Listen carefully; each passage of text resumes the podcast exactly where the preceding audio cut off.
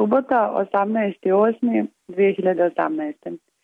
Juče uveče, nakon cjelodnevnog putovanja kombijem preko Romanije i dalje preko Drine, sam se vratila iz Sarajeva u Beograd. Na Sarajevo film festivalu koleginice i kolege sretala sam na svakih pet metara po gradu i gotovo jedino pitanje koje smo postavljali jedni drugima bilo je šta radiš trenutno. I to pitanje nije bilo mišljeno kao small talk, kao šta radim ovih dana, šta sam lijepo pogledala na festivalu, nego je bilo kapitalističko, egzistencijalističko pitanje koje je zapravo značilo na kojem projektu radim ili koje je najpreciznije moguće u mojoj glavi značilo na kojem projektu se auto eksploatiše, me eksploatišu, za koji projekat još uvijek čekam novac, za koji projekat su me potplatili, koju dramu ili scenarij nisam prodala, pa ću morati da napišem tri nova teksta i tako dalje. Skoro dvosedmično odsustvovanje u mom mikrokosmosu, u mom stanu i na mom tijelu ostavilo je neke tragove. Biljke su bile na granici isušivanja, odjeće i suđe su upravo zbog tog zaprašivanja razbacane svuda po stanu, pa djeluje kao da sam se tek uselila, a vješalica za peškire otpala je sa vrata u kupatilu. Nadalje, hormonalni disbalans prouzrokuje, sada mi se čini beskonačno odlaganje menstruacije. Praktično sam 20 dana u PMS. Subota je dakle bila sačinjena iz banalnosti. Kupovine namirnica, obroka u ekspres restoranu, mikro raspadanja u stanu i dogovora za večer. Naći ću se sa prijateljima na DJ setu u galeriju u 10. Većina nas je u 30. većina je single, većinom smo freelanceri. Ono što je našim roditeljima u socijalizmu bilo omogućeno i samo razumljivo, stalan posao i dugo trajanje ljubavnih odnosa i veza, za nas su uglavnom floskule koje ironizujemo. Na SFF-u sam gledala pred premijeru prve tri epizode Jutro će promijeniti sve, autora Vladimira Tagića, Gorana Stankovića i Milice Tomović, koja govori upravo o tom fenomenu. Tako je moja generacija, danas u 30. odjednom ponovo zaglavljena u nesigurnostima, problemima i matricama ponašanja tineđerskog doba. 19.8. nedelja. Probudila sam se sa migrenom, još jednom posljedicom hormonalnog disbalansa, pa sam u krevetu doručkovala, pila kafu i gledala seriju. Prilično intimna priroda mog jučerašnjeg dnevničkog unosa navela me da se sjetim jedinog perioda u kom sam pisala sobstveni dnevnik. Petog, šestog i sedmog razreda osnovne škole. Kakve informacije autor, autorka dnevničkog zapisa unosi i da li adresat unosa stvarno samo knjižica, niz praznih šarenih mirišljavih stranica, dnevnik, kao što bi formulacija dragi dnevniče htjela da impliciram. Naravno da ne.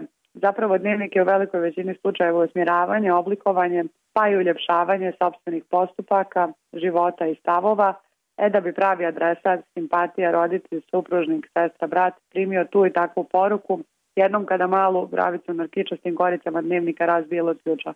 Milica Tomović došla je kod mene oko 15 sati, opet smo jele hranu iz ekspres restorana i radile nekoliko sati na tritmentu za film Kelti, koji će biti njen cjelovečernji debi. 1993. godina u Beogradu, u sred ratova koji prate disoluciju Jugoslavije i Maskenbal, proslava jednog dječjeg rođendana, na kojoj se skupe tri sulude generacije jedne porodice, je tema kojom se nas dvije bavimo od početka ove godine. Surfanje po regionalnim portalima samo izaziva depresiju. Mislimo knjizi Depression a Public Feeling autorke Anne Svetković, u kojoj se depresija opisuje kao kolektivni osjećaj beznađa, izazvan između ostalog i političkom situacijom u zemlji. Patriotski kamp sa omladince na Zlatiboru, Kosovo i sramni prijedlog za reviziju izvještaja o Srebrenici čine da ne znam zapravo u kojoj godini se nalazim. Da li je ovo 2018. ili je 93. o kojoj pišemo Milica i ja. Ponedjeljak, 28. Književnica Tanja Stupar Trifunović izbačena je bez objašnjenja ili obrazloženja iz programa Kočićevog zbora zato što se nekome iz Banja Lučke gradske uprave nije dopala njena pjesma. Naslovna iz zbirke je razmnožavanje domaćih životinja. Suluda i neodgovorna odluka organizatora samo govori o materizaciji i vulgarizaciji kulturne scene u Banja Luci, Republici Srpskoj i Bosni i Hercegovini. Uveče sam išla do Pecikoze i Trave i njemu sam pomagala oko scenare za kratki film Indijanac koji snima krajem septembra. U međuvremenu svi imamo iste probleme, alergije, moljce po kućama, bol u donjem dijelu leđa, neizvjesnu financijsku situaciju. Kralj ljeta u, sa visokim temperaturama u Beogradu čini evolutivne slabe tačke na tijelima i civilizacijske, patriarhalne i tržišne pritiske još težim nego inače. Kad sam bila tineđarka, ovaj datum je nekoliko godina za redom bio najvažniji i najsrećniji u godini. Čini se da su milioni godina prošli od tada. Utorak, 21.8. Milica i ja danas smo uspjeli da radimo skoro cijeli dan. Prošli smo više od pola treatmenta na engleskom, koji sada treba skraćivati. Večer sam provela u Lozničkoj, u novom baru koji se preselio preko puta starog. Bila sam sa glumicom Milicom Stefanović, pričali smo nekoliko sati o ljubavi. Ona je rekla, izgradnja veze je surova stvar. Trebala sam i VB sa kojim se godinu dana dogovaram za kafu, napokon ćemo se vidjeti u četvrtak. Srijeda 22.8. Danas radim samo od kuće, mailovi, prijave na konkurse, kini rad na završenim tekstovima sa prevoditeljicama, agentima i lektorima, prijave na rezidencije, pokušaj planiranja iduće sezone. I dalje sam preumorna i u burnoutu da bih ozbiljnije razmatrala prijave na doktorate i ponovno preseljenje. Ali želim imati opciju odlaska iz Beograda na nekoliko mjeseci svake godine da bih u drugačijim okruženjima i uvjetima rada pisala.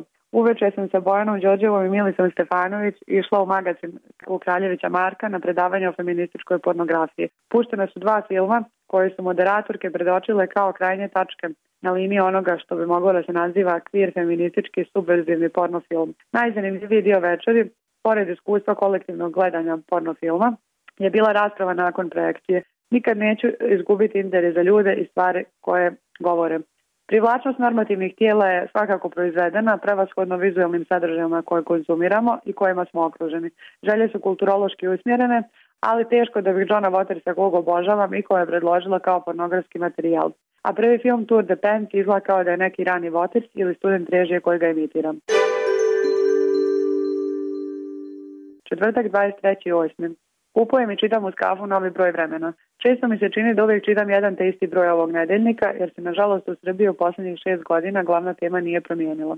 Novinarke i novinari ovog magazina zaista se izdvoja u broj trude da pruže kritički uvid u razne problematične segmente ove šestogodišnje vladavine jednog čovjeka, a na kraju mi ipak članci o Putinu na svadbi austrijske ministarke spojnih poslova Karen Kajsl sa sve kozačkim horom i priča o usponu 21-godišnje uskoro milijarderke Kylie Jenner čine ovu kafu malo veselijom nego što se na početku činilo.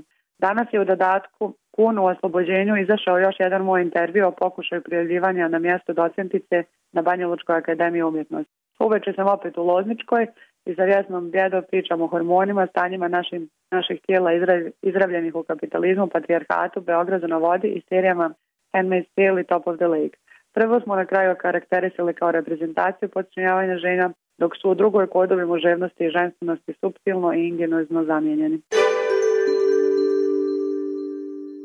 24.8. petak. Danas ću ponovo da radim od kuće, da se prijavljam na rezidencije i završavam pojmovnik drame Mi smo oni na koji su nas roditelji upozoravali, u kom za američki časopis Mercurian, gdje će drama u prevodu Kori Tamler i Željka Maksimovića na jesen biti objavljena, pokušavam objasniti lokalizme, toponime, top kulturne reference i upotrebu slenga iz ove drame. Dogovor za večer još nisam napravila, pretpostavljam da ću ići na neki film pa na piće. Još malo pa će ljeto prestati da nam testira strpljenje, otpornost na alergije i visoke temperature. Još malo pa će septembar, put u Portugal, Bitev, nova pozorišna sezona i malo više volje za odlazak na jogu i plivanje.